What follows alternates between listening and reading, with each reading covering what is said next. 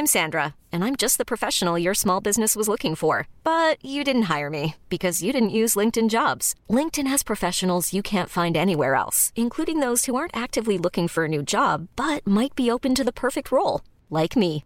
In a given month, over 70% of LinkedIn users don't visit other leading job sites. So if you're not looking on LinkedIn, you'll miss out on great candidates like Sandra. Start hiring professionals like a professional. Post your free job on linkedin.com/achieve today. Many of us have those stubborn pounds that seem impossible to lose, no matter how good we eat or how hard we work out. My solution is PlushCare. PlushCare is a leading telehealth provider with doctors who are there for you day and night to partner with you in your weight loss journey. They can prescribe FDA-approved weight loss medications like Wagovi and Zepbound for those who qualify. Plus, they accept most insurance plans. To get started, visit plushcare.com slash weight loss. That's plushcare.com slash weight loss. Hey, Dave. Yeah, Randy. Since we founded Bombus, we've always said our socks, underwear, and T-shirts are super soft. Any new ideas? Maybe sublimely soft. Or disgustingly cozy? Wait, what? I got it. Bombus. Absurdly comfortable essentials for yourself And for those facing homelessness. because one purchased equals one donated. Wow, did we just write an ad? Yes. Bombas. Big comfort for everyone. Go to bombas.com slash ACAST and use code ACAST for 20% off your first purchase.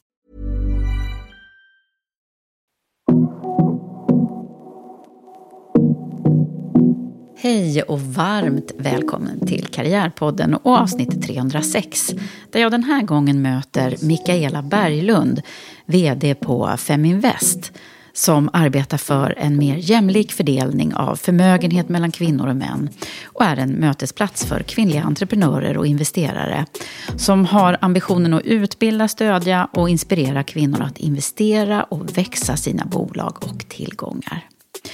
Efter att hon för ett och ett halvt år sedan köpte loss Feminvest står nu Mikaela precis inför att lansera Nordens första fond med endast kvinnoägda bolag. Det här är ett samtal där vi får lära känna Mikaela och var hennes drivkraft att förändra kommer ifrån. Och framförallt vad hon ser att vi behöver göra för att förändra och göra makten och synen på ekonomi mer jämställd. Men innan vi drar igång vill jag tacka Karriärpodden och Women for Leaders samarbetspartner Volkswagen Group Sverige. Tack för att ni gör det möjligt för oss att sända Karriärpodden och att jag får fortsätta lyfta fram förebilder.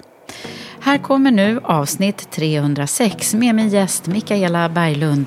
Jag heter Eva Ekedal.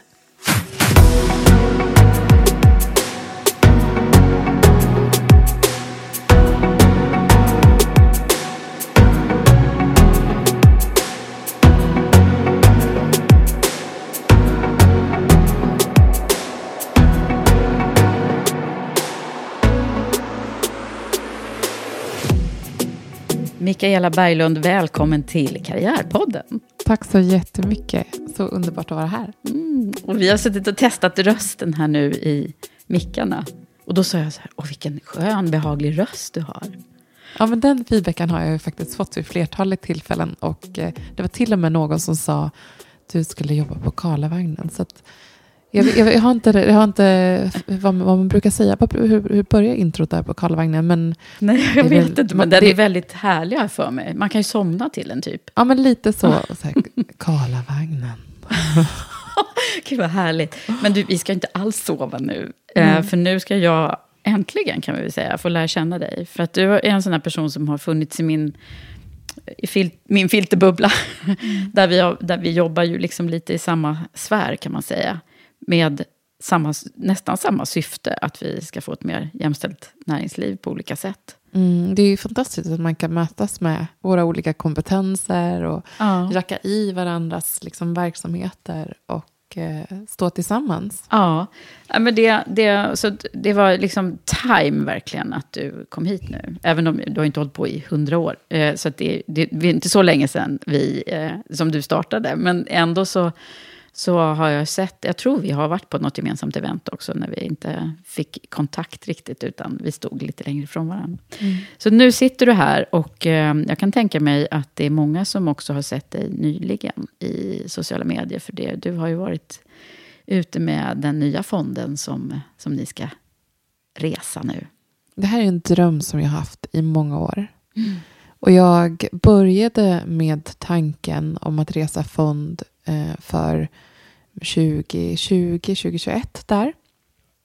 Eh, men då, det var så intressant för att i den perioden så, så var osäkerheten runt det för stor. Och de frågetecknen runt var dominerade. Men desto mer man jobbar mot någonting och lägger en pusselbit i taget, till slut så är det så självklart. Mm. Så att du bara vet att så här, det här är ju, det är klart att det här kommer bli liksom, det finns jättegoda förutsättningar för att det här ska bli jättebra. Mm. Eh, så då, jag kommer ihåg när jag började så fick jag så mycket frågor från eh, kvinnor som är, driver samma agenda som vi, som ändå liksom, finns det tillräckligt med bra bolag som är rätt att investera i? Hur ska vi säkerställa liksom, vad är viktigt? Är det en kvinnlig vd eller är det en kvinn, kvinnlig grundare? Eller, och vi har ju landat i att det ska ägas till minst 50 procent av Av kvinnor, kvinnor. Mm. eh, i, våran, eh, i våran fond nu då, som, som det har landat. Men det var liksom så många frågor runt om. Eh, hur, eh, hur ska, vilket investeringsfokus? Är det Sverige? Är det Norden? Finns det tillräckligt med underlag i Norden? Eller behöver vi gå ännu bredare liksom utifrån en marknad för att hitta rätt bolag? Ehm, eh, kan vi, kan vi liksom, har vi tillräckligt med kompetens i de, de som hade jackat i för Invest då från början? Eller blir det kredibilitet? Kan vi, resa, kan vi resa pengar? Hur mycket kan vi resa? Så. Och så träffade jag en kille Mm.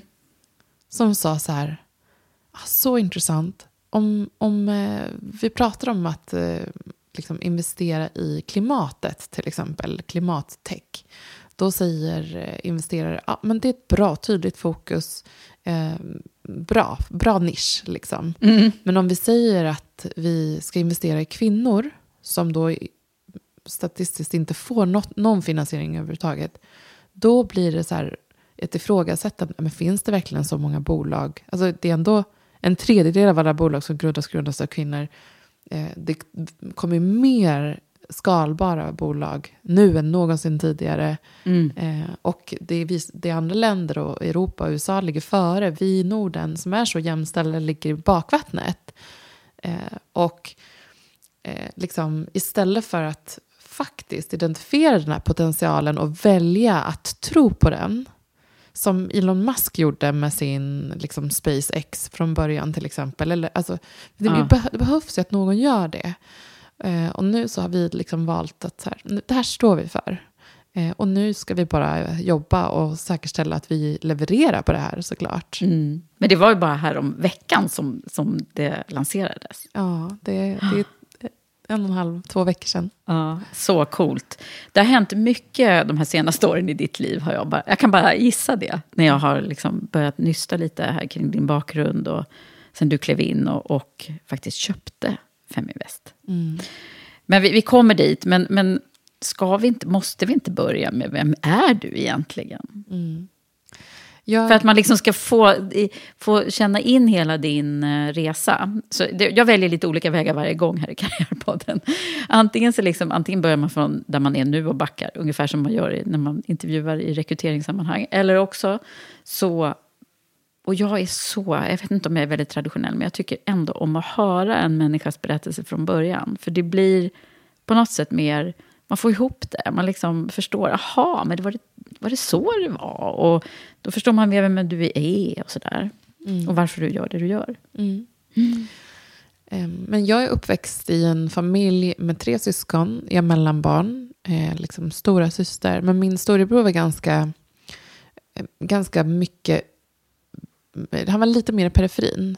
Vilket gjorde att jag tror att jag blev lite stora syster mot mina två yngre syskon. Vi är två år mellan oss alla. Okej. Mm. Och min, eh, mina första år eh, präglades av att mina föräldrar jobbade väldigt hårt utifrån att det var karga ekonomiska förutsättningar i början av 90-talet. Mm. Och de byggde hus, eh, fick sitt fjärde barn 1990, eh, så att huset stod klart 91. Eh, mamma jobbade som sjuksyrra på nätterna för att kunna liksom passa oss deltid på dagen. När vi då var två och fyra. Mm. Eh, och en liten bebis i han som föddes 91 och sladdis. Mm. Eller inte sladdis, men eh, yngst. Eh, och sen så eh, jobbade pappa, han reste mycket samtidigt som de pluggade ekonomi. Eh, mamma gick på föreläsningarna. Både, båda två? Mm. Mhm. Mamma gick på föreläsningarna, tog anteckningar och pappa tog hennes anteckningar. Så för att kunna jobba. För att, det, det var ju så höga räntor då. De hade precis, de hade fyra barn. Ja, det var ju faktiskt eh, kanske ännu värre än vad det är nu. Ja, Eller har varit. Ja. Så den, den tiden eh, har, liksom, har präglat mig, tror jag, på många sätt. Eh, I att se mina föräldrar jobba så hårt. Mm. Och det är en röd tråd där de på olika sätt har, har säkerställt att vi som barn har varit väldigt aktiva och haft ett högt tempo. I, vilket jag har insett att inte alla andra har haft. Vi idrottade jättemycket. Jag simmade. Jag simmade sex dagar i veckan. Ah, okej. Eh, och gick sen över till modern femkamp liksom i uh, yngre, yngre tonåren. Och eh, mamma och pappa skjutsade och jag spelade fotboll och innebandy. Och, eh, min pappa jobbade jättemycket och, och han har alltid jobbat väldigt så eh, haft starka liksom, tankar om politik och, och sådär. Eh, även säkerhetspolitik. Så att vi har haft mycket debatter hemma Mm. om hur världen ser ut eh, och eh, liksom hur, hur man kan vara med och påverka och driva utifrån en övertygelse. Tror jag faktiskt. Mm, så där kommer också så här, ditt intresse för det här samhällsengagemanget. Ja, det kommer runt samhälls... Så kombination av att jag har sett mina föräldrar jobba så hårt. Eh, inte liksom, de har aldrig strävat efter att ha att vara, bli förmögna eller så. Eh, utan, eh, men har velat bidra och förändra och liksom engagera sig i samhället. Men också verkligen jobbat hårt och dedikerat i sina dagliga arbeten. Mm. Och också liksom för att få ihop till eh, ja, både försörjningen och bygga hus. Och, mm. Mm. Så eh, vi, sen så liksom, så vi har aldrig haft det så superbra ekonomiskt, men nu har de ju, som många andra under den här perioden, så har det varit några goda år. Mm. Och eh, om jag kommer ihåg, liksom, medan andra flög så bilade vi ner till södra Europa. och liksom, alla här, bråk i bilen, på väg ner, mm, syskonen. fyra barn. Ja, Vi länsade kan riktigt se biblioteket. det framför mig. Ja, men alltså, det var, och det, var, det var också så roligt, för det var så långa resor och det fanns ju ingen underhållning. Så vi, mamma tog med oss till liksom, stadsbiblioteket i Uppsala och vi lånade böcker som alla i familjen läste. Så jag läste liksom allt ifrån Sagan om ringen och så här, triologin när jag var Okej. Elva. Du fick liksom ta det som, det som, det som fanns. fanns. ja, exakt. Eh, så att eh, liksom ganska, blir ganska mångfacetterad i mina intressen, också utifrån det. Ja. Men det här med att de läste ekonomi då, var det, var det redan här som du också, så här, det där verkar vara något som, eller vad tror du? Jo, men jag tror att det, att det var en av anledningarna till att jag har... Sen så har jag... Mamma och pappa har varit väldigt försiktiga när det kom till börsen. Så att jag eh, berättade inte för dem om när jag... För jag ville inte göra dem oroliga. Och orkade inte heller argumentera för att liksom... För de var, tyckte att det var lite var svårt och oförutsägbart. Och eh, jag, så jag började spara när jag var 19 ungefär. Eh, och ja, gjorde det i hemlighet kan man säga. Gud vad roligt, det var ditt bus liksom. ja, IPS. Ganska- Och pensionsspar satte jag upp. Så 200 kronor kommer jag ihåg att jag började i pensionsspar också. Men det är ganska trevligt bus, måste man ju säga, här, i efterhand. Ändå. Men, men vad coolt. Och, och det där då, hur kom, hur kom det sig att du tog det steget och började? Hur, kom- var var du inspirerad av någon annan? Eller? Nej, det var... Eh, mamma och pappa hade en bankkontakt då som, som... Det var ju så förr, att man fick en liksom... Bank, Familj- personbank, Ja. var det ju dessutom. Som man hade jobbat med liksom länge. Så jag fick ett möte med henne per introduktion av min mamma. Och eh, jag hade precis liksom jobbat under några månader för att göra min första, mitt första lägenhetsköp. Det var våren 2008. Och jag ville börja plugga till hösten. Så jag visste att jag, måste, jag kan få lån nu. Men eh, kommer inte få det sen. Och i, den, i det mötet då när vi signade lånet för, för lägenheten, jag hade 50 000 i kontantinsats. Mm. Köpte en lägenhet för 795 000 i centrala Uppsala. På 34 kvadratmeter. Stor grej alltså. Ja, det var stort. Ja. Eh, Så, så tog hon upp det i mötet. Ja, men du ska inte du börja spara. Och då så tog jag, hoppade liksom spontant, Mm. tog den, det beslutet att börja. Eh, och sen så kom ju 2008s eh, Just det. Smällen. krasch på hösten. Och då påverkades jag på flera sätt. För att en av mina klasskompisar från gymnasiet letade efter lägenhet, hade sparat 50 000 hon också. Men då förändrades insatskravet. Så att helt plötsligt så skulle du ha 15 procent i insats. Mm. Eh, mot jag hade 5 procent och ett topplån. Eh, vilket gjorde att jag hade kunnat köpa bara några månader innan. Och hon fick en, hade inte längre möjlighet utan skulle behöva spara ihop 100 000 till. Ja. Och det här tyckte jag var så intressant. Eh, Jag läste ekonomisk historia parallellt. Okej, så det var ändå så här, det låg i linje med det du också läste då. Ja, Mm. och det var ju en, en liksom tomteinstitution. Det var ingen som läste den kursen. Men sen var den superpopulär efter den hösten då, när Okej. Lehman Brothers. Ja. Men då, då hade jag börjat då investera, sätta upp ett månadssparande och jag sålde i panik. För jag, även om det var, det var bara några tusen lappar Mm. så tro, visste inte jag vad jag hade investerat i. Utan jag hade gått på rekommendation av att här, du borde göra det här.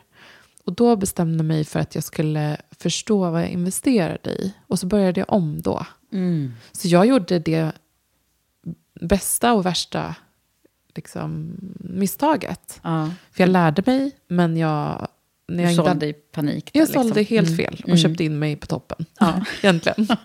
Ja, ja, men det är också verkligen en lärdom då. Det var ju bra att det inte var miljoner det handlade om då. Och då, Mm. det är också så här fantastiskt, för att när man förstår och tar ansvar och har lite distans till det, Mm. så, så har man en helt annan känsla även i de värsta tiden när man, man fattar fel investeringsbeslut. Mm. Och det är det som har, liksom, så jag liksom har en frihet i relation till hur jag placerar. Mm. Och det har påverkat mig på, så till den grad att jag har fortsatt att investera. Så att jag är jättetacksam för att jag tog det ansvaret själv. Ja, och att du också liksom följde med i, i det här också nu. Kan, det kanske du var ganska snabb till att, att dra den slutsatsen då, men alltså att, det, att det inte var så smart just det då. Det är ju, det är ju sådana grejer som man tar med sig sen. Ja, exakt. Men vad drömde du om att du skulle bli då, då när du läste ekonomisk historia och ekonomi? Nej, men då sökte jag in till ekonomprogrammet och kom in där. Och då trodde jag ju att, eh, som alla andra, det var två saker man kunde bli om man läste ekonomprogrammet i Uppsala då 2009. Det var antingen managementkonsult eller revisor. Så jag sa att jag skulle bli revisor, för att det tänkte jag att jag, det var väl liksom alternativet. Typ. Mm. Eh, Men eh, ja, det är inte alls egentligen min, min kompetens eller vad jag tycker är intressant. Nej, hur hade livet varit som revisor, Nej, men, Mikaela? Ja, exakt. Ja. Det eh, hade varit tryggt. Mm, precis. Lite, kanske lite mer stillsamt också. ja, exakt. Eller? Ja. Ja. Eh, men eh, jag förstod ju ganska snabbt därefter att så här, det, det som drog i mig var liksom affärsutveckling, kommunikation och marknadsföring och, och sådär. Men sen ekonomi var en viktig del Mm. utifrån företagande. Så sen flyttade jag till London. ja, hur kom det sig då? Jag hade bott i London innan jag pluggade då, 2008. Och det, var jag också därför. Jag kommer ihåg att jag träffade en kille som, som eh, jobbade på Lehman Brothers som blev av med jobbet. Liksom parallellt en kompis som jag tänkte så här, oh, vad läskigt att liksom befinna sig i den här staden och inte veta vad man ska. Mm. Eh, men då hade jag ändå en hel del vänner där så jag flyttade dit och eh, fick jobb inom affärsutveckling och eh, marknadsföring för ett amerikanskt bolag. Mm. Ehm, Jag hade något tillfälligt jobb också. Jag fick sparken till och med. Från ett, alltså jag har verkligen gått ut med en liten låda med en liten planta i. Ja. vet, Den typen av... Ja. Eh, jag jobbade med eh, marknadsföring för ett, eh, ett bolag som sålde liksom action cameras eller kameror för, inom extremsport och så. Det var inte riktigt min grej, ska Nej. jag säga. Nej. Men eh, Men du tog vad du, vad du fick där? jag då, tog eller? vad jag fick. Mm. Och sen så i, när jag då fick sparken på, på det här jobbet efter jag hade jobbat där i fem, sex månader. Så det var min provanställning som skulle gå ut och då valde de att säga upp. Eh, eh och trots att jag, alltså jag tyckte själv jag hade över tusen procent ökning av försäljningen och sådär mot den nordiska marknaden. Så att jag var själv väldigt nöjd med resultatet. Så, jag, så det, var en, det var ingen bra arbetsplats. De hade väldigt hög omsättning. Så jag tror snarare att att de använde, utnyttjade liksom provanställningen för att få levererat kortsiktiga projekt. Typ. Aha, okej. Så jag Ja. jobbade med översättning till exempel SEO och sådär. Ah, ja. mm. Eh, så, men det förstod jag ju sen. Men Men vad, vad hände med dig då? läskigaste då? för då Ja. var jag i den situationen som min kompis från Lehman Brothers hade varit i Mm. något år innan. Och eh, efter bara några veckor så hade jag fått ett jobb med mycket bättre lön, mycket bättre arbetsförhållanden och där stannade jag kvar Mm. ett tag. Mm. Så att det, Det, det var meningen att det du... var inte så illa egentligen. Det Nej. var nog typ att jag själv kanske var för lojal och inte hade sökt upp mig liksom, om Mm. inte de hade gjort det. Mm. Så väljer jag att tänka på det i alla fall. Ja, ja, men så där, det, det brukar jag också råda folk till när man, när man hamnar så här. Det var, det, det var inte meningen liksom, att du skulle vara kvar där, utan det är någonting annat. Ja. Och det var det då i ditt fall. Mm. Ja, då blir, får man ju en öppenhet och det blir... Men också en erfarenhet på något sätt att ja, det, det, det beror på vad, vad det är för företagskultur och vad, vad som är viktigt och sådär. Brukar det ju landa lite på lätter. Mm. Mm. Ja. Okej, men så att London-tiden då, vad, hur summerar du den då? Den, alltså det är min stad. Jag älskar den staden. Eh, Och har alltid en, en del av mig kvar där. Jag trodde att jag skulle bo där länge. du, du trodde det? Var det det som var drömmen liksom, eller? Ja, men jag, hade, jag, hade, jag gifte mig till och med där. Mm. Eh, Och eh, liksom bosatte mig för, för att göra det per, permanent med en brittisk person.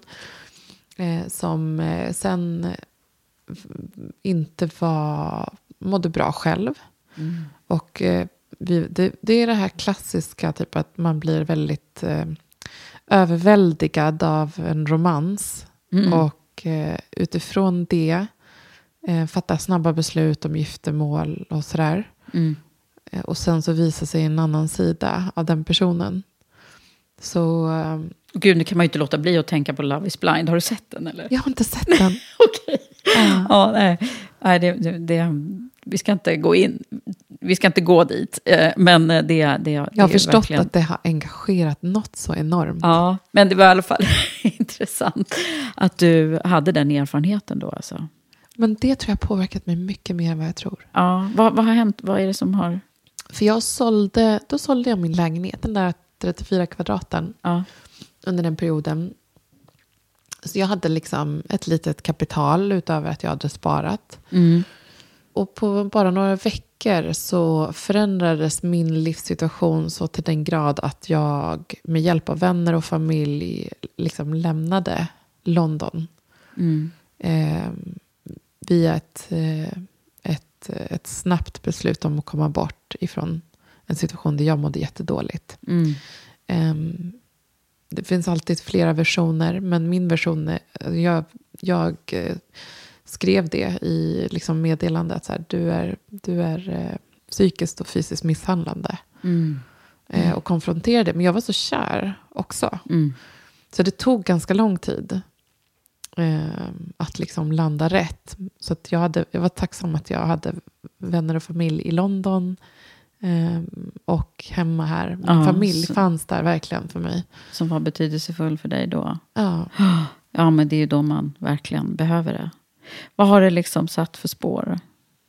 Dels så hade jag pengar att hyra ett eget boende, alltså parallella hyror i London.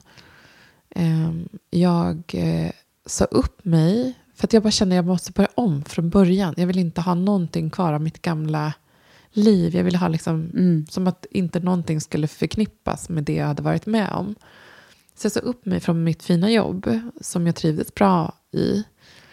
Och eh, startade företag i London.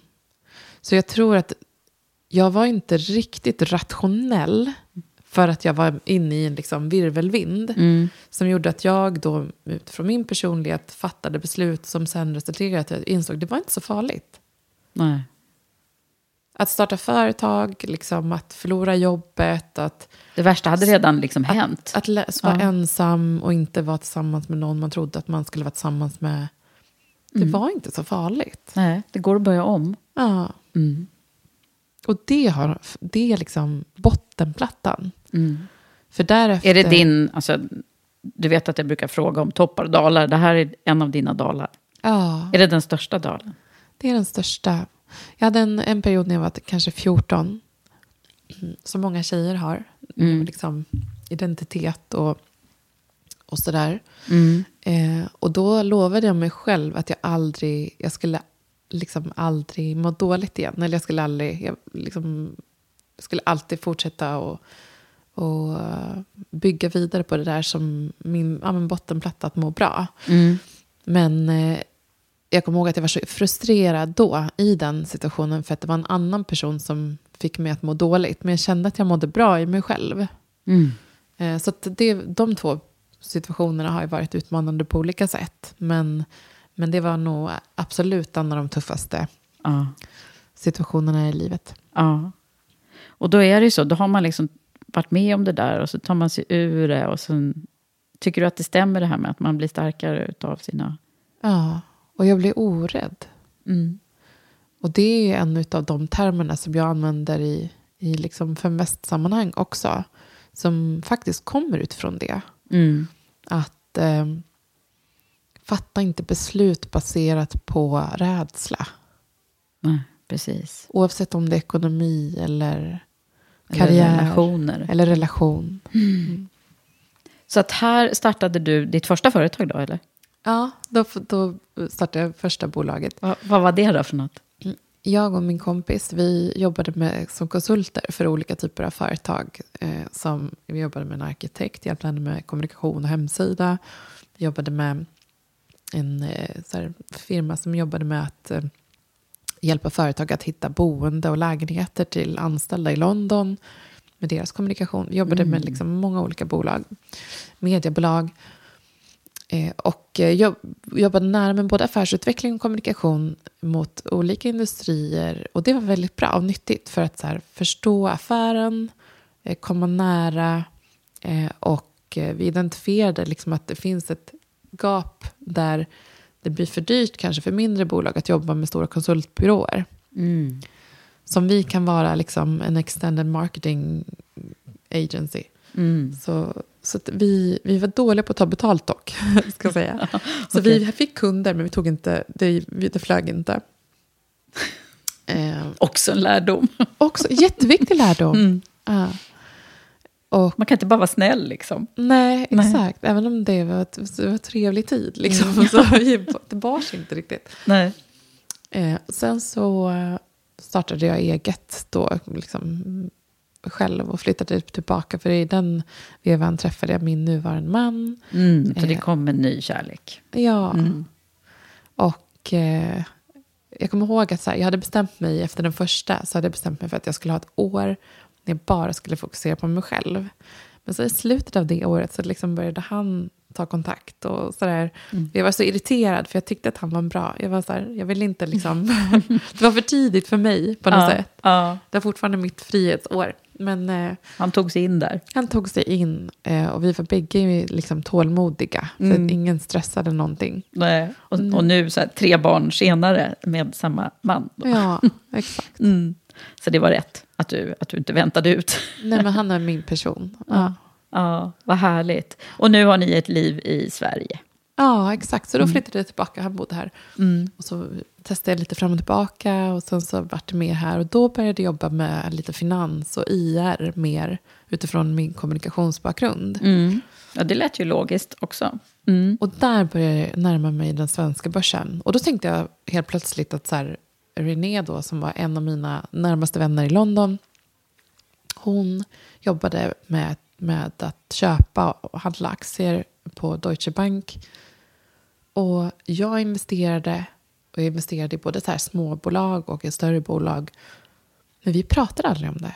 Och det är hennes profession och var hennes profession. Nu gör hon inte det längre. Men jag tänkte på så här, varför pratar vi inte som kvinnor inte om ekonomi eller vad vi fattar för beslut på samma sätt som vi pratar om tröjor vi köper från så här fint varumärke vi har upptäckt eller en konstutställning, en restaurang mm. eller en film vi såg. Mm. För det är egentligen det är, det är så betydelsefullt. Verkligen. Mm. För det är där vi faktiskt bygger förtroende och så skapar förändring tror jag. Alltså du hade liksom ingen att prata de här ekonomifrågorna som du hade velat där då? Nej, jag har alltid pratat med killkompisar eller på, någon, min man eller Mm. pojkvän eller så. Och det är det som, jag, som var grunden till Feminvest också. Att hur hittar vi sätt att visa vad vi gör Ja. när det kommer till ekonomi och, vi, och normalisera det. ja. Så var tankarna då redan då att du skulle vilja bygga eh, bolag kring den här frågan? Det första liksom, steget som det var på internationella kvinnodagen, om jag inte missminner mig så var det 2018. Jag var höggravid med mitt andra barn. Och jag kommer ihåg att Dagens Industri presenterade statistik på Mm. lite riskkapital som gick till kvinnor. Mm. Så kanske jag också var där. Ja, Ja. förmodligen. Mm. Och det var så där, då, då gick det upp för mig, men hur, jag får inte ihop det här. Liksom. Hur, så, hur kan det se ut så här? Så det var, det var dels det, det perspektivet som gjorde att jag liksom engagerade mig. Men också i, om vi tittar på de forumen som finns, där vi samlar liksom, kvinnor och män, så kommer inte kvinnor. Nej. Och varför är det så? Och varför har jag inte pratat med tjejkompisar, men jag har ändå pratat med killar om det. Ehm, och är jag då, är jag den udda fågeln som pratar med grabbarna? Eller är det så att, eh, att ja, andra Ja. känner som jag? Vad tror du är anledningen till att det, att det är så? Att det inte lockar eh, liksom, tillräckligt många kvinnors intresse? För det, historiskt sett har det ju varit så i alla fall. Nu tror jag i och för sig det börjar hända saker nu, men, och du är en av dem som bidrar till det. Men, eh, Jag, jag tror att vi ska inte underskatta liksom vad vi har växt upp ifrån. Alltså på samma sätt som jag berättade om hur jag påverkats av mina föräldrar. Så min farmor eh, var sjuksköterska. mm, Och det var det hon hade att välja mellan. Att bli sjuksköterska eller lärare. Mm. Min eh, farfar var den som skulle försörja liksom, under många år. Hon var en lite udda fågel som liksom ville vara självständig och, Mm. och så. Eh, så det var en, det, liksom en eh, kvinnor liksom föstes ju in i läraryrket och i, på sjuksköterskeskolor fram till ja, men 40-50-talet. mm, Och det är inte många generationer bort. Så att det fortfarande är kvinnor inom det, det ter sig naturligt för man då man har tvingats in i ett och sen så har man sett förebilder inom det segmentet. mm, Så jag tror att, att eh, med ny, nya kullar av eh, tjejer som går in i, i, i de här historiskt mansdominerade yrkena. mm. Att det är vägen kom- fram. Det, ja, exakt. Men det är också lätt att inspireras av en mamma eller en moster eller mormor. Så. Ja. Och välja liknande inriktning. Absolut, och sen är, sen är det ju rätt intressant att när man tittar en, eh, bakom det här så är det ju ändå så här många kvinnor som har stått för så här hushållsekonomin och liksom, eh, jag menar, skött ekonomin behind the scenes. Eller hur? Eh, sen kan det vara så att de stora penseldragen, då, då ska liksom männen... Men jag tänker ännu längre tillbaka i tiden så var det säkert så att, eh, jag, jag tror nog att min mormor till exempel, hon var nog ganska, det var hon som, som liksom räknade slantarna. Eh, det är åtminstone en känsla jag har, jag har aldrig frågat faktiskt. Men ja, men det är ganska intressant att vi ändå, står ju vi för väldigt mycket av strukturen liksom i, i den lilla familjen i alla fall. Mm. Ja, men också en annan sak som, som jag tycker är liksom intressant. Det var, jag var på ett bankkontor eh, när vi på Fem Väst skulle ha ett arrangemang. Och så var det en tjej där som stod, så jag var så här, åh är du här för liksom, att prata? Och då så kom hennes kille precis. Nej, nej, nej, vi, ska här, vi är här för att träffa banken och skulle liksom ha ett kundmöte. Det är han som, som ordnar med, med vår ekonomi, sa hon. Och hon är 25 kanske, vad hon var i liksom, åldersmässigt. Det här är bara några månader sedan. Alltså, vi pratade lite då och berättade lite om vad vi gjorde där. Och hon sa att han har ett intresse och han jobbar med jobbade med liksom mer onoterade investeringar. Men ändå, mm. hon, hon delegerar. Och det är ändå morgondagens Ja, så vi behöver fortsätta förvaltare. prata om det här. Vi behöver det. Mm. Hur gick det till då? När du, när, du, när du beslutade dig för att också då gå in och köpa loss Feminvest? För det fanns ju innan. Mm. Och jag bolagiserade 2020 tillsammans med eh, dåvarande liksom, investeringsplattformen. Jag kommer inte ihåg om de hette Fanny Bamil Pepins då. De gick ihop. Vad sa du? Det, vad hette? Fanny och Pepins ah, ägde 49 procent. Eh, eller först så ägde jag 40 procent. Så är det en option på majoritet första vinstdrivande året. Mm, för du jobbade ju på Funded by Me också innan det här. Exakt. Ja eh, med, med, kommunikation mellan mm. barnen, mellan Noel och Levi. Mm. det hann du göra lite. Ja. ja. ja. Eh, och då så, så, fick jag förfrågan egentligen från den dåvarande vdn. Mikaela, vill du göra någonting med det här? Och jag kommer ihåg det så väl. Eh, för att då visste jag inte riktigt vad jag skulle göra med det. Jag hade ett engagemang runt vissa frågor då. Liksom riskkapitalet, jag pratade inte investering, hur får tjejer att komma igång och börja prata ekonomi. Och sen så, så tänkte jag att det är ett bra namn, liksom mm. varumärket. Just det, eftersom du är marknadsmänniska också. Ja, ja, man får ju verkligen ihop det nu när man hör dig. Ja. ja. Eh, och, så att jag tackade ja till det, eh, förutsättningslöst. Men eh, kände också så här, men det här kan jag jacka i. Så jag lanserade ett ängelnätverk då på liksom, det här varumärket. Och då hade jag kanske några, ett handfull affärsänglar som hade sagt ja men vi kan vara med. Mm. Mm. eh, men med det så fick jag ju otroligt många entreprenörer som hörde av sig och mm. ville ha äntligen kvinnor som investerar.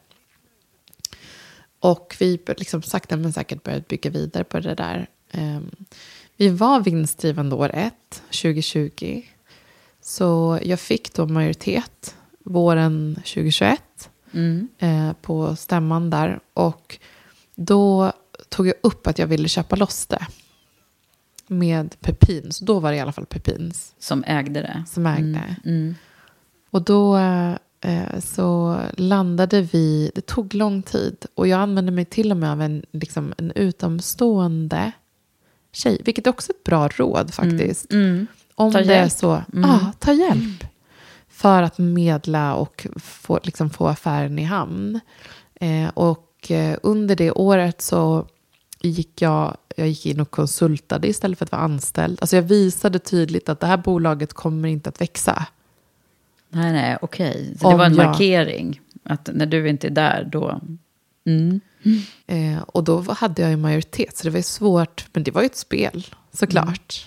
Mm. Som hade kunnat spelas ut på många olika sätt. Eh, men till slut då så, så gick de med på att, eh, att eh, så vi hittade en, liksom en deal. Och det skedde då i, i april 2022. Ja, ah, så det är ju ganska nytt ändå. Ah, att du liksom, för jag har ju liksom förknippat dig med namnet eh, länge, men då förklarade jag saken. Att ja. Det var då det liksom... Och sen dess så har det ju verkligen hänt supermycket. Ja, jo men för då på hösten då hade jag min första anställd då från 2020 som är fantastisk, Rebecka. Hon är ju kvar och eh, eh, nu, så att hon var ju, nu, nu kör vi Mickan liksom. Och sen så hade jag då eh, förmånen att bli approcherad av en annan tjej som heter Elin, eh, som var väldigt aktiv på finanstwitter, eh, som frågade om jag hade ett jobb. Och då tog jag ett bett på att anställa henne. Eh, och det, vi, det, vi vart ju liksom grundteamet då hösten 2022 när vi sa nu ska vi börja bygga det här mm. bolaget. Det fina är att de här åren gjorde att jag visste, jag hade fått en insikt i eh, målgruppen. Vi testade olika typer av digitala, fysiska utbildningskoncept. Liksom. Och lärde oss väldigt mycket om... eh, då gjorde vi, vi byggde inte affär, utan vi erbjöd allting kon, liksom, gratis. Eh, men förstod också på olika sätt hur ja, vi potentiellt skulle kunna utforska, bygga vidare på en affärsmodell som var hållbar. Mm. Eh, så det hade vi med oss. Och, så jag hade en ganska tydlig då, ett första, att vi skulle lansera ett ben som vi kallar för Academy.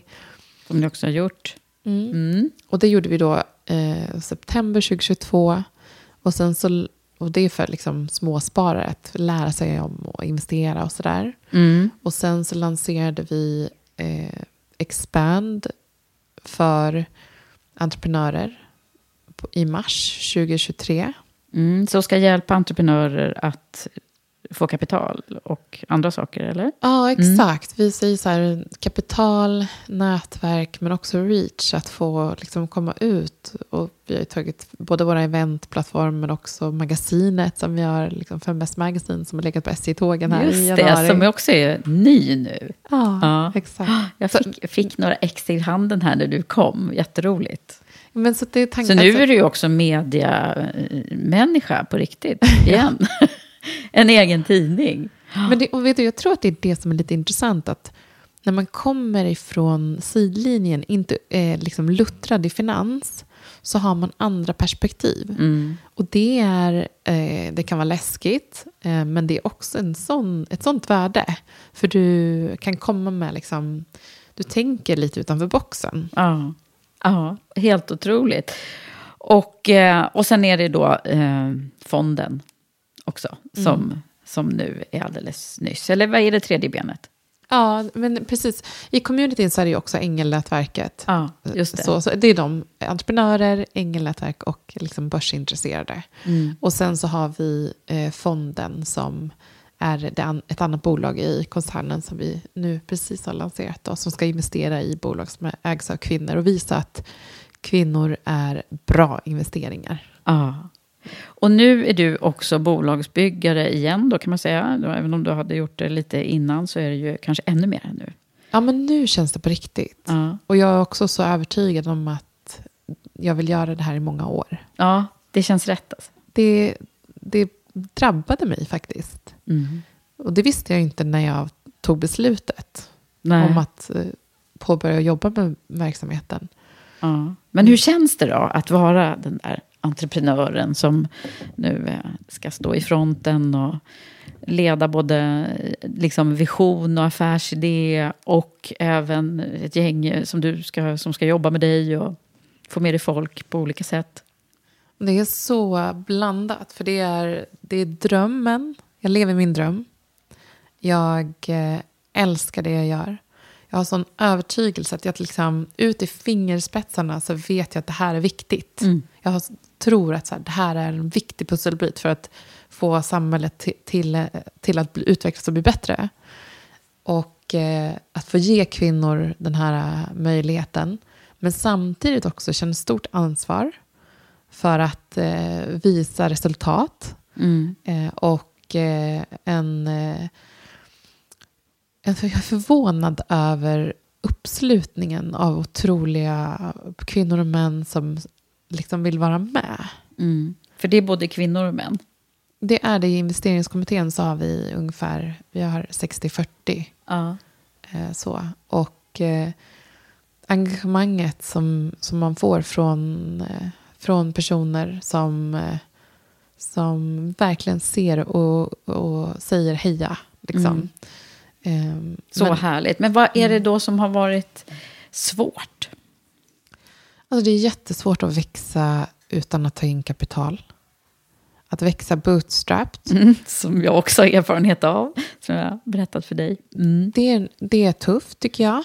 Det är också inte min, eh, liksom, jag är inte en revisor eller liksom en CFO. Nej, det blev ju inte det. Nej, just Nej. det. Så det är ju, det, det, det är en liksom, det tycker jag är en stress. Ehm, det är, även om vi liksom växer, för jag vill också växa lönsamt och vi har gjort det hittills och jobbar hårt för det. Så, 2023 var vi växte över 300 procent i omsättning och med en liten vinst på sista raden. Eh, och det, men det kostar. Mm. Eh, att jobba med, med att bygga ett företag som man vill bygga stort. Eh, men i ett tidigt skede att få rätt personer på plats. Det, är, det har jag aldrig gjort förut. Nej, nej. och eh, att eh, liksom förstå och skapa rätt förutsättningar på både kort och lång sikt. Hur gör du då för att liksom tackla de här olika utmaningarna som det ändå är? Jag tar hjälp. Mm. Jag tar hjälp av eh, min man emellanåt. Eller jag har en otroligt... Eh, jag har aldrig varit med om att ha en styrelse och advisory board som är så dedikerade till the why, eller det vi ska göra. Mm. Eh, vilket är att se till att kvinnor får äga mer. Mm. Eh, sen hur vi gör det inte spelar inte så stor roll. Nej, nej, Det är härligt att ha, känna det här, att det är några som har ens rygg, eller hur? Det, det är det som har varit min erfarenhet också. Verkligen. Alltså vårt advisory board, vi hade inte varit där vi är om inte de hade funnits där. Så det, det, och jag undrar om inte vi också kan slå hål på den där gamla myten, liksom, att kvinnor inte skulle hjälpa varandra och sådär. Alltså den, den finns ju inte, tycker jag. Och här sitter du och jag nu och pratar om Eh, jag menar, vi gör ju olika event. Vi skulle ju kunna se oss som konkurrenter. Liksom. Men eh, det finns ju ingenting av det.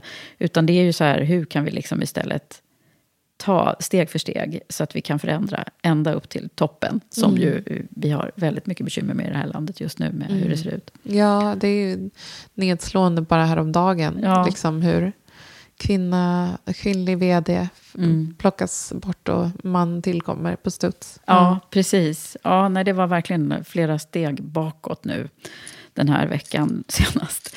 Men i övrigt då, när, när vi pratar om jämställdhet, hur, hur, vad är din egen erfarenhet då? Hur blir du liksom bemött och vad, vad, vad, vad har du för egna erfarenheter kring det?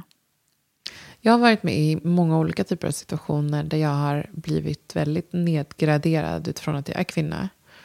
Objektifierad Mm. i ledningsgrupp.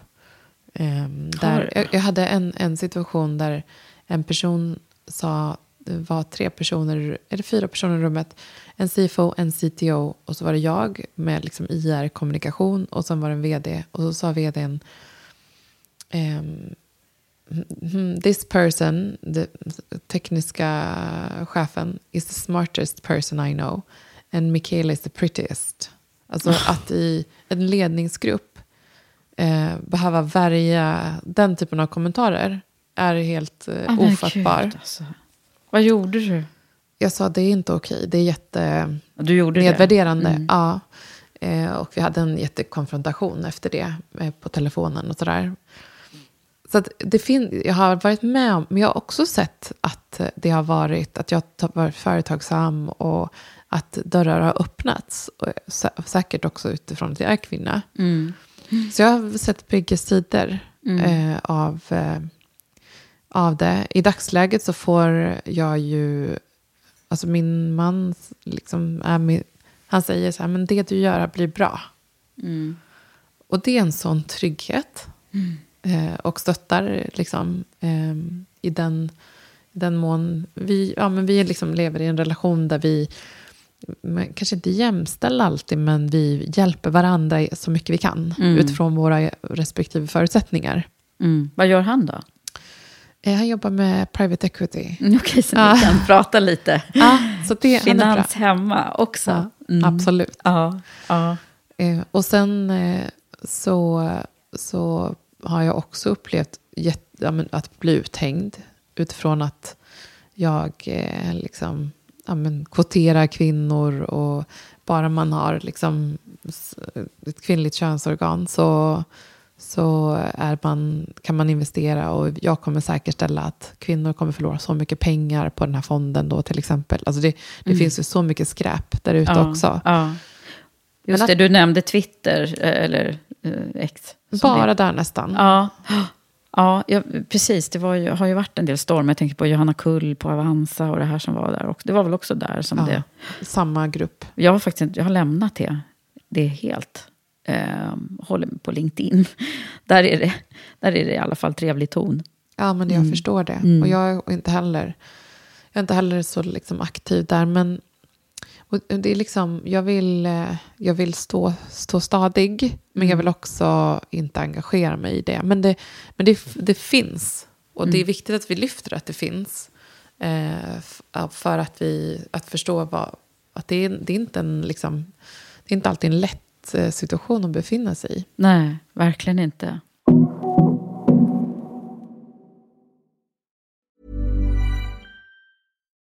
Why don't more infant formula companies use organic, grass fed whole milk instead of skim? Why don't more infant formula companies use the latest breast milk science? Why don't more infant formula companies run their own clinical trials? Why don't more infant formula companies use more of the proteins found in breast milk? Why don't more infant formula companies have their own factories instead of outsourcing their manufacturing? We wondered the same thing. So we made ByHeart, a better formula for formula. Learn more at byheart.com. Hiring for your small business? If you're not looking for professionals on LinkedIn, you're looking in the wrong place. That's like looking for your car keys in a fish tank.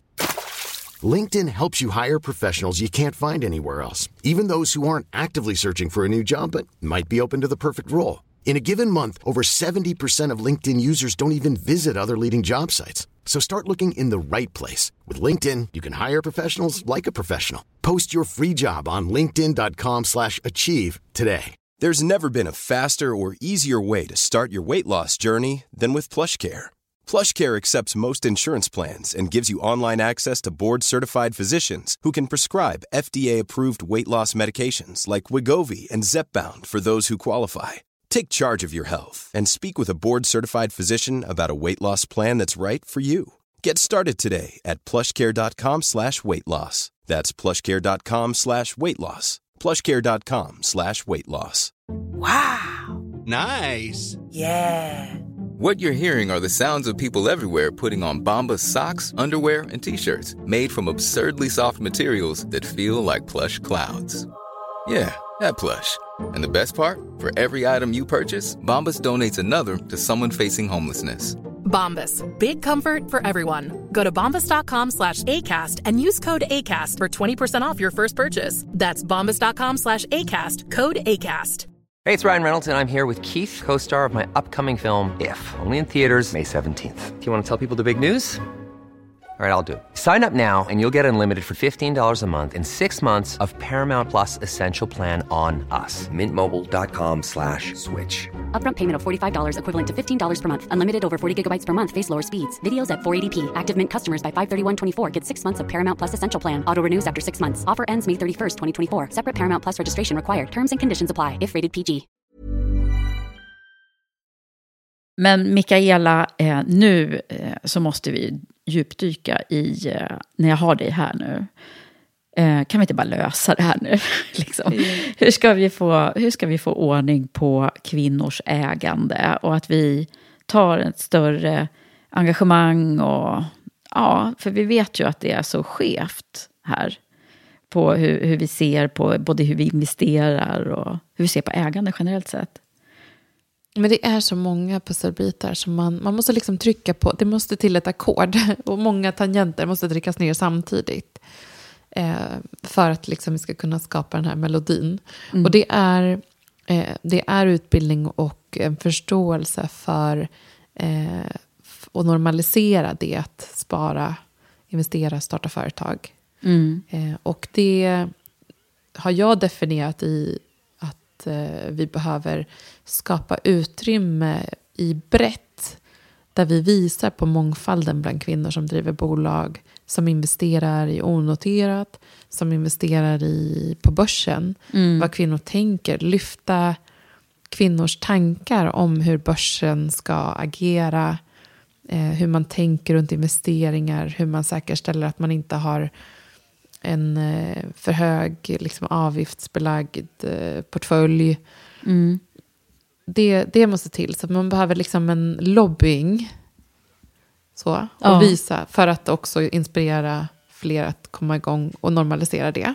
Precis, för fler, just den där, jag är ute efter det här, liksom, hur, hur kan vi skapa förutsättningar så att fler tycker att det här är både coolt och kul. Och det är ju, det vet man ju vikten av för att förebilder. Och så. Eh, men jag tror också att det blir väldigt lätt att bli silos eller kluster. Vi har liksom, vi har industriprofilerna som är kvinnor. Eh, men det vore intressant, vad händer om man tar en av eh, liksom industribolagens högsta chefer som är kvinna och hon berättar om sin, sitt pussel med småbarnslivet. Eller att hon berättar om så här tänker jag runt att spara på börsen. Eller Mm. mitt sparande. Eller jag började liksom för sent med min, tänka på min pension. Eller, alltså att man får, så att det blir inte, man inte blir så stereotyp. För man har ofta en målgrupp in, in, innanför en vertikal. Mm. Eh, så att man behöver liksom trycka på, försöka få ut budskap i väldigt många olika vertikaler. Eh, för att visa, för att få liksom en, en Olika normalisering. Ja, Ja. precis. Att det inte är så komplicerat heller, eh, tror jag. Att jag åtminstone hade behövt höra lite tidigare i, i mitt liv. Att man tror att man liksom måste vara finansperson för att förstå de här grejerna. Och det är också en, så här, en självförtroendefråga Mm. kopplat till ekonomiska beslut. Hur får vi oss att... För jag tror, om min tolkning är att oavsett om det är att investera onoterat eller investera på börsen eller starta företag så tror jag att det är samma, det är samma eh, känsla runt att jag har inte tillräckligt med kunskap för X, Y, alltså de här Nej, tre områdena. Mm. Sen är det olika, man har olika, liksom, mm, olika mycket kapital eller man kanske bara väljer att satsa allt på ett företag. Men det är samma känsla. Mm. Och därför så tror jag att, eh, att eh, vi behöver också bygga som kvinnor vår, vårt självförtroende. Eh, och det, där, där så ser vi ju att så här, även ur ett rekryteringsperspektiv så vill kvinnor ha mer på fötterna. Vi vill ha mer kunskap. Mm. Ja, det vet ju jag, det är ju min... Precis, det, det pratar vi ju så mycket om. Ja, men eller hur? Ja, fortfarande, tyvärr. Ja. Mm. Och där så behövs det forum för samtal eh, och eh, kunskapsöverföring. Så att vi blir, vi känner att jag kan det här. Mm. Så bygga självförtroende också.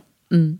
Just det här med att starta och driva bolag också, som både du och jag har erfarenhet av. Där tänkte jag också vi kunde liksom, hur får vi hur får vi fler kvinnor att tycka att det är roligt? I och för sig är det ju, det, vad, vad ligger siffran på nu? Har du koll på det? Är det 30? Det har gått ner pyttelite i Ja. Sverige och vi är ju liksom en av de sämsta länderna i Europa. Ja, det, det är ju liksom verkligen deprimerande. Men jag har en tolkning där. Ja. Och det är att jag tror att vi som kvinnor, eh, och, det är bara för att jag utgår, för jag, min första liksom, firma i Sverige jag startade var en enskild firma. Och det upplevde jag som lägre risk. Och jag upplevde och kände mig trygg i att så här, jag kan leverera konsulttimmar. Men jag vill inte växa, starta ett bolag som ska växa eller alltså, anställa. Eller det, det kändes mer främmande. Så Men, men det var ändå så första steget. Det var det första Mm, steget. Det var det för mig också. Mm. Eller hur? Det är så intressant. Och det här visar statistiken. Och då är min tolkning. Vi i Sverige har väldigt liksom, höga arbetsgivaravgifter till exempel. Alltså det är dyrt att anställa. Och den där äh, att starta en enskild firma signalerar på något sätt att vi har en tilltro till vår egen leverans. Mm. Men att det är läskigt att lita på att någon annan ska leverera och ta ansvar för den Eftersom personen. avgifterna blir så höga då menar Ja. Mm. Ja, det är ju galet. Det tror jag bidrar. Så det är något som vi ska kämpa för också såklart. Men trappsteget behöver ju inte vara så stort. Jag har en annan grej där, nu kanske inte, det är inte jag som ska sitta och, men jag bara tänker på min egen erfarenhet. Att jag drev ju liksom eget då i konsulteri i jättemånga år. Men eh, varvade det med att ibland gå in och vara, vara anställd chef och sådär för större företag. Men sen eh, så kom vi tillbaka till det här och då kom jag på då att jag, eh, jag eh, ville, bygga, jag ville bygga större. Eh, och att göra det själv är ganska svårt ändå. Så att just att liksom våga också hitta folk runt omkring sig som man vill bygga bolag ihop med. Det tycker jag har varit en nyckel för mig i alla fall, kring att liksom våga mer. Och så här, man, man, man uträttar ju mycket mer om man är flera. Mm, ja, men det, och det är ju också väldigt mycket roligare. Ja, precis. Verkligen. Man både delar svårigheter och eh, det som är kul tillsammans. Mm. Eh, men du, eh, man tänker på så här, kvinnor eh, som vill få tillgång till... Nu, nu sitter ju jag här då som inte har sökt så mycket kapital ännu då, utan har gjort så här bootstrapping som vi pratade om när man bygger med, med egna medel till att börja med. Men vad har du för, om vi ska gå in på det där, liksom, vad, vad är det som är viktigt om man nu är i den sitsen att man behöver kapital för att bygga det man vill göra? En viktig del är att killarna måste uppta, upptäcka affärspotentialen med kvinnors bolag. Mm. Och det här eh, har jag också förändrats lite i den här frågan över tid. Men idag, vår fond då, som riktar sig till professionella investerare har ju, vi har en ambition att liksom ta in närmare 50% från män i den. Mm. För att i och med att killar fram till nu sitter på investeringskapitalet och drar sig för att investera i, i kvinnor uppenbarligen, alltså om vi tittar till statistiken, Mm. så måste nå, vi måste tillsammans visa att nu gör vi det här tillsammans och det här kommer bli en bra affär, men du är också med och påverkar något till någonting positivt. Mm. Och det är en bra affärspotential. För jag tror att när, när man får eh, liksom KPIer på ja, men den här fonden genererade X i avkastning, då kan man ju prata. Då, pr- då pratar man samma språk. Nu så finns det för lite data. Alltså det finns data på hur lite kapital som går.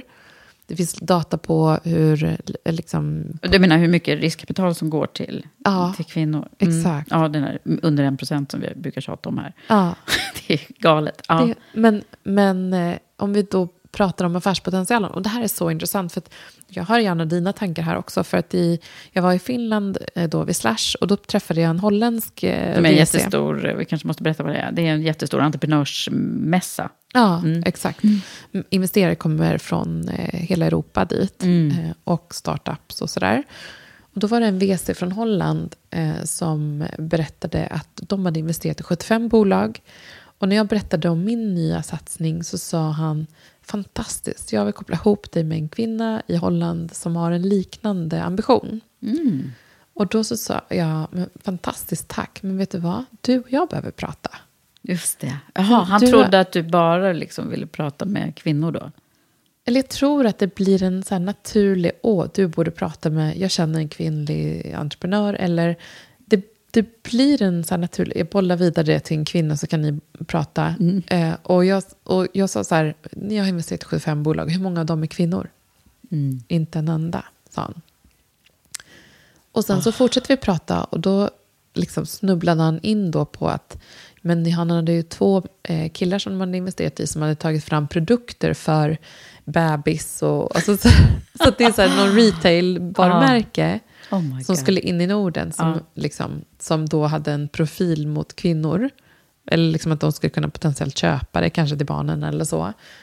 Och så sa han, men vi ställer ju som krav att eh, kvinnor ska tillsättas i ledningsgrupp och styrelse. Och jag, så jag förstår det utifrån liksom de positiva effekterna som data visar när det är mer mångfald i liksom styrelse, ledningsgrupp och så vidare. Men vad det resulterar i att kvinnor bygger upp mäns förmögenheter och får väldigt lite betalt i jämförelse till vad männen får när den där exiten väl sker. Ja. Så ni måste jobba med ägande och det är därför vi har valt att ta den här positionen. Att både inkludera eh, liksom män, och vi har family office med män som har tackat ja redan. Eh, vi kommer inte kunna gå ut med det än, men lite längre fram. Men det är också en, eh, eh, liksom en, en, att lyfta den här typen av frågeställningar. Ja, jättebra. För det är ju det, vi behöver liksom, det behöver inte vara polariserat på det. Eller det ska ju inte, det är ju det vi ska bort ifrån egentligen. Men vi behöver liksom ta de här kliven in i de här sammanhangen. Mm. Och det är ju likadant det som jag håller på med, att försöka förändra på näringslivstoppen. Det är ju liksom på hur det ser ut i representation i styrelse och ledningsrummen. Det är samma sak där. Och då måste, liksom, då måste ägarna förändra sin syn på det här Mm. också. Så det, det är verkligen... Gå Så det enda sättet vägarna. är för någon att ta risken och satsa på kvinnor och säga vi tror att det här är bra, få med sig investerare, kvinnor och män, som, vi, som själva tycker så här, det här kommer att bli bra. Och sen att vi liksom lyckas Mm. med det här. Det är därför jag känner sånt ansvar också. Ja. Att lyckas. Att lyckas, ja. Ja, vad härligt. Eh, vad är det mer som vi kan göra annorlunda då? Mer än att eh, prata då med, med eh, även med männen så att säga i de här sammanhangen och försöka få med dem. Vad är det, finns det någon annan spaning som du har gjort som är så här, ja, men det här, det här är ett helskotta, det här har vi inte gjort förut. Nu, låt oss göra den här vägen istället. Men jag tror att man eh, väldigt mycket jobbar utifrån sina egna nätverk. Alltså specifikt i eh, länder som Sverige, Norge, Finland. Eller liksom där det, är, det är tillräckligt litet Mm. för att man ska kunna få eh, ganska bra känsla för få bra koll på liksom ett, ett segment. Så man, man upplever sig kanske ha en bra koll på säg så här, finans. Vilka som är på väg upp i karriären. Eller, och det gör att man, man lätt blir snäv.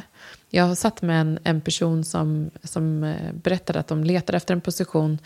Eh, skrev på LinkedIn och eh, bara, du den här personen som mm, väns bror har den här rollen. Han kanske kan komma in på intervju.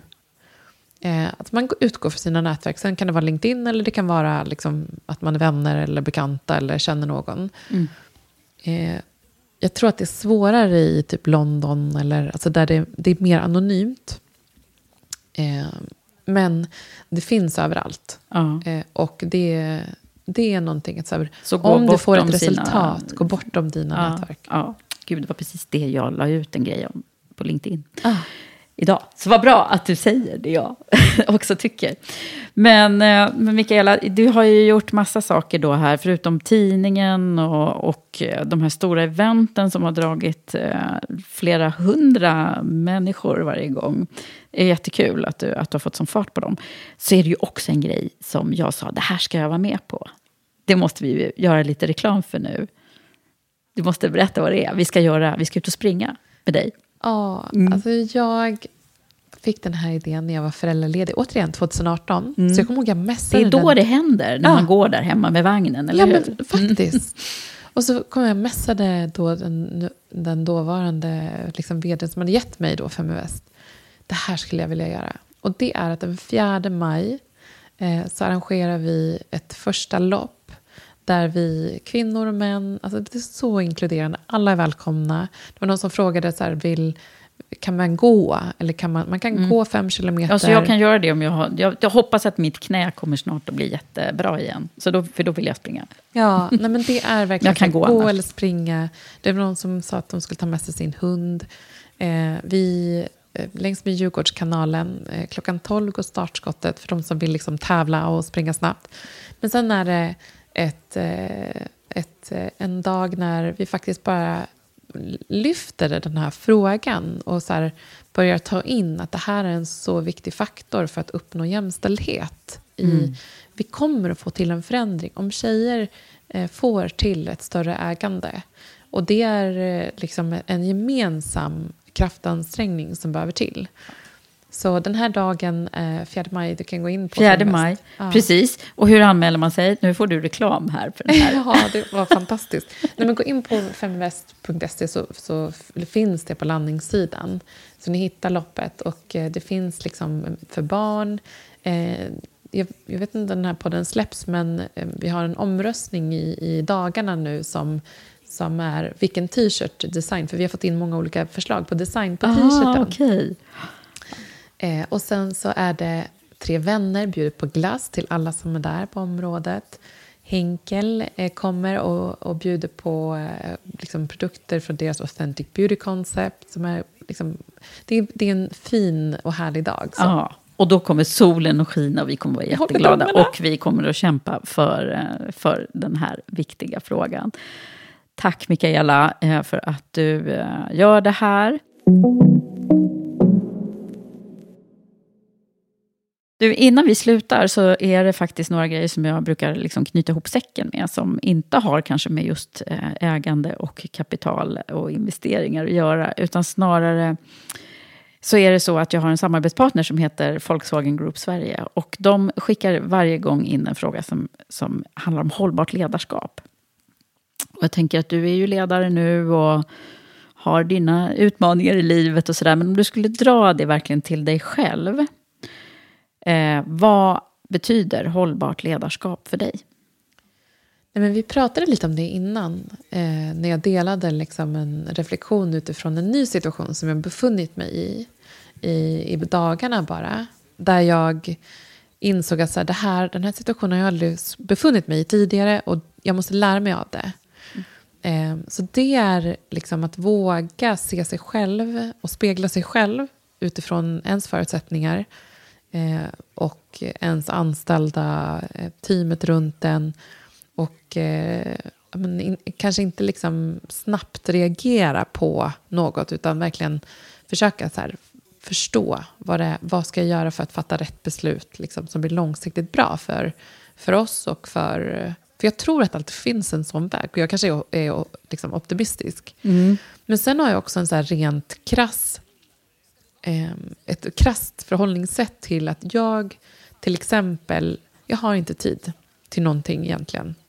Nej, så jag, det är tre ganska små barn. Det är tre små barn. Det är ett företag där jag liksom lägger mycket hjärta och själ. Jag har en liksom, man som förtjänar mer tid än vad han får. Och eh, också i den här eh, liksom situationen, så det jag gör då, det är att jag, typ, jag bokar att jag ska åka Vasaloppet till exempel. Mm. För då tvingas jag ta tid till mig själv och röra på mig fysiskt. Eh, jag lägger inte någon press. Jag ska inte prestera, jag ska inte ha någon snabb tid. Men jag behöver... Ska du göra det i år? Ja, ah, wow. första gången. Jag har Mm. aldrig åkt längdskidor innan. Oh. Eller jag har liksom börjat nöta lite nu då. Ja. Men det gör ju att jag faktiskt får viktig tid för återhämtning. Mm. Vilket är en så viktig del. Verkligen. Så det, utifrån så kanske det ser Sen är det så här, det är nog många som skulle tycka så här, åka Vasaloppet, det är ingen återhämtning. Det kommer kanske efteråt, men under själva loppet så är det nog många som, jag har inte åkt det, men jag vet ju många som, alltså det är ju riktigt tufft. Ja, men Ja. det är... Eh, men det är liksom... Eh, och det kommer nog tillbaka till så här, min ungdom och de här, att jag tränade väldigt mycket. Och att det, det får bli min andningspaus. Eh, Ja. liksom. Så att, eh, även om det inte egentligen, egentligen får jag inte till det. Och jag, liksom, jag är inte så långt så vältränad som många andra inför ett sånt lopp. Men eh, jag får ändå... Jag får åka skidor en gång i veckan, Mm. liksom, en timme. Och det är ljuvligt. Och det är jättebra, även om man nu eh, inte tränar för ett sånt tufft lopp, utan när man, man kan tänka, inte träning också så att säga, när man skjuter ut sig från sin vanliga värld. Exakt. Eh, då brukar det, ja, vi pratar om man drar vagn, då brukar man också komma på grejer. Men eh, även när man gör korta grejer i vardagen, eh, utan vagn och löpardojor, så där man inte befinner sig i sin vanliga kontext, det tror jag också är väldigt bra. Ja, men du har helt rätt. Ja. Men du, innan vi slutar så ska du också få summera lite grann kring dina bästa råd. Och eh, nu är ju du... Eh, hur gammal är du nu? 36. Ja, ja, jag. Det får man inte fråga, men nu gjorde jag det i alla fall. Eh, men för att jag tänkte så här, om du eh, är tillbaka nu innan du åkte till eh, England och innan allt det här hände i ditt liv som, som du har skapat så mycket erfarenheter av. Vad hade du behövt höra då, tror du? Att leta inte utanför dig, utan leta i dig. Efter det där liksom som, som får dig att må bra eller får dig att gå igång på en idé. Eller, eh, men fortsätt att sätta dig i nya situationer. Eh, för att då får du en, en respons på om du, det du har i dig är, liksom, är rätt väg eller om det blir fel. För jag har gjort många, liksom, hamnat på många platser där jag absolut inte skulle vara. Men det har egentligen bara bidragit till att jag har vetat om när jag har stått på en plats där jag vill vara. Mm. Förstår du vad jag menar? Ja, mm. Jag tror det. Ja. Så eh, en del skulle kanske se det som liksom felsteg. Eller, ja, men det är allt ifrån att inte känna sig själv att säga att jag skulle bli revisor. det är liksom ganska långt ifrån vem jag är som person. Jag fattar inte att mina föräldrar inte ifrågasatte det när jag sa det. Nej. Men det... Vad hade, vad hade du behövt höra att någon sa till dig då? Jag tror, inte att det, jag tror att det är mitt eget agerande Mm. som, jag, som jag lär känna mig själv. Och det är, väl, det är väl lite det. Att så här, det andra kan inte säga till. Nej. Utan du måste liksom... Precis, man måste uppleva också. Man måste uppleva. Men, Mm. Och att faktiskt eh, att lyssna till sin respons på de, på de, eh, ja, på de, i de situationer man sen hamnar i. Ja, och att du Eh, åkte hem från England när du skulle göra det. Och, Mm. Ja, nej, men precis. Att våga lita på sin, sin intuition där också. Och sen att, här, att det, det är, när det värsta tänkbara händer, är det verkligen det värsta? Mm. Alltså, vad, är vi, vad är vi rädda för? Egentligen. Ja, vad är vi rädda för? Ingenting borde det vara. Det borde vara mycket mindre än vad det är. Ja, för vi har det ju liksom bra här i, i det här landet ändå. Liksom, det finns inte så mycket att än så länge vara Mm. rädd för. Mm. Mm. Och sen en annan sak, eh, en tredje sak är att engagera sig i saker som man är passionerad runt. Oavsett om det är ett liksom företag eller om man vill ge tillbaka eller liksom volontärt eller vad det nu må vara. Så får det ditt fokus. Och jag, jag tänkte på det nu när vi var, jag var ledig för första gången på länge. Att i det att man tar in exempelvis mycket av det som händer i världen eh, av otroligt eh, utmanande saker där, med krig och konflikter och verkligen elände. Mm. Eh, att, ta, att ta in det innebär också att du blir mer orolig. Precis. Ja. Eh, så att, att faktiskt flytta ditt fokus från att oroa dig, alltså, vilket är besläktat med att vara rädd för saker, att det liksom vad potentiellt skulle kunna ske, och lägga sin energi på någonting eh, där man känner att, att man eh, bidrar eller liksom man trivs. Så, så fejda lite av den där oron. Att det är liksom en strategi menar du? Är det, har du gjort så tror du? Jag, jag, ins, jag, jag inser att jag blir... Jag har inte riktigt, jag har inte riktigt tid att liksom oroa mig för mina barns, hur världen ser ut när de växer upp i mitt jobb på samma sätt. För att jag har en intensiv vardag och har Mm. mycket som jag vill lägga energi på att bygga och förbättra. Mm. Så i och med det fokuset så, så är jag inte så full av oro. Medan när jag då tar en paus så, och jag kan relatera till ensamheten och den oro det skapar, till Mm. exempel. Då. Mm. Eh, men också att förstå att man kan faktiskt påverka det. Ja, precis. Och du sa ju också till mig innan här att, att, eh, att göra det du gör nu, att bygga bolag och så, att det också skapar någon form av eh, legitimitet och eh, liksom självförtroende eh, kring att du, du är någon att räkna med och sådär. Ja, och det tror jag också är viktigt i, i mindre marknader som man ändå måste säga att Sverige är. Att det, det går säkert, det kan säkert gå ganska fort om man inte liksom bygger eller utvecklar och pratar till exempel utan att liksom någonting kommer med så finns det en risk att man underminerar sin egen, sina egna möjligheter. Mm. Så att faktiskt eh, försöka att bygga någonting så fort som möjligt och visa att man har någonting är påverkar dina förutsättningar mer än vad man tror. Mm. Där hade vi det. Var det, var det slutordet, tro? Ja, men det, det tycker jag. att, eh, att man kan mer än man tror och kunna vara med och liksom påverka genom att engagera sig i någonting som man, som man tycker är viktigt. Ja, verkligen. Ja, superbra. Tack snälla Mikaela för att du har varit här hos mig. Tack. Fantastiskt.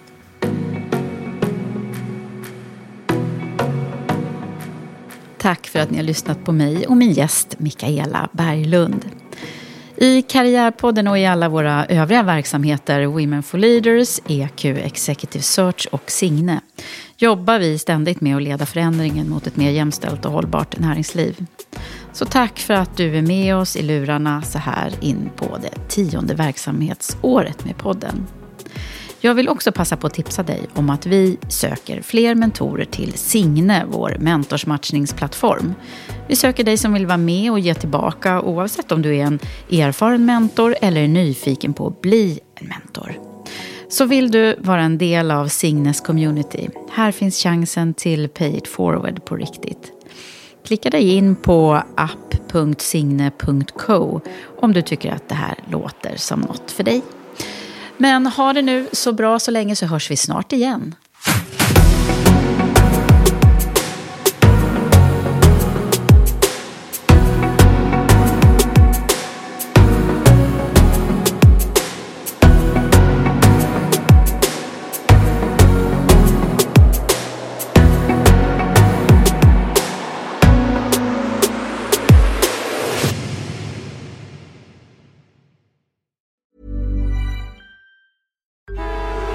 Traffic jams, tailgating, pileups.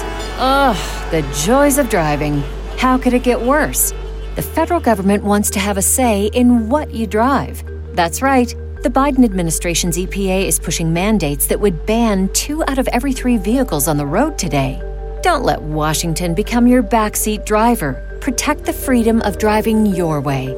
Visit EnergyCitizens.org. Paid for by the American Petroleum Institute.